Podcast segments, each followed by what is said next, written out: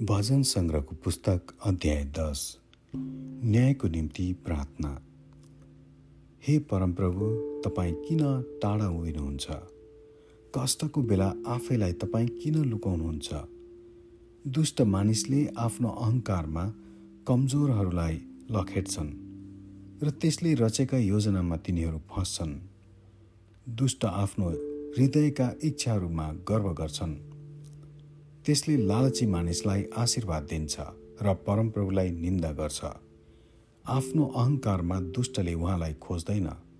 त्यसका सबै विचारमा परमेश्वरलाई स्थान हुँदैन।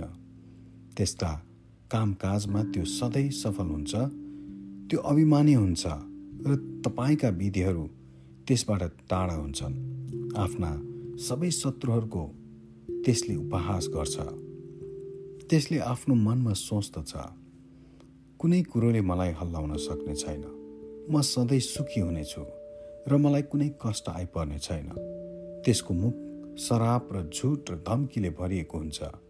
त्यसको जिब्रोमा उपद्रव र दुष्टता छन्।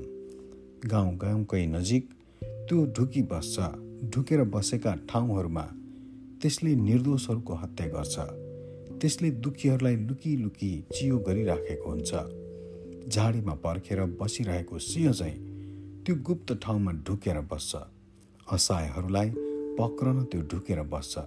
त्यसले आफ्नो जालमा असहायहरूलाई घिसारेर लैजान्छ। दुखीहरू पेलिन्छन् र लाचार भई लड्छन् र तिनीहरू त्यसको शक्तिले ढल्दछन्। त्यसले आफ्नो मनमा सोच्दछ परमेश्वरले बिर्सनु भएको छ। उहाँले आफ्नो मुहार लुकाउनु भएको छ। र कहिल्यै देख्नुहुन्न। हे परमप्रभु उठ्नुहोस्। हे परमेश्वर तपाईँको हात उठाउनुहोस् असहायहरूलाई नबिर्सनुहोस्। दुष्टले किन परमेश्वरको निन्दा गर्छ? त्यसले किन आफ्नो मनमा भन्छ उहाँले मेरो लेखा राख्नुहुन्न? तर हे परमेश्वर तपाईँ दुःख र शोक देख्नुहुन्छ। तपाईँले ती आफ्नै हातमा लिनुहुन्छ। दुखीले आफैलाई तपाईँमा सुम्पन्छ। अनाथको सहायता तपाईँ नै हुनुहुन्छ। दुष्ट र कुकर्मीको हात बाँचिदिनुहोस्।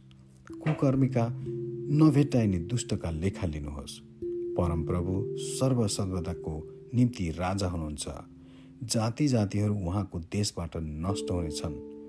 हे परमप्रभु पीडितहरूको इच्छा तपाईँ सुन्नुहुन्छ। तिनीहरूको हृदयलाई तपाईँ बलियो पार्नुहुन्छ। तिनीहरूको पुकार तपाईँ सुन्नुहुन्छ। तपाईँ अनाथ र थिचो मिचोमा परेकाहरूको रक्षा गर्नुहुन्छ।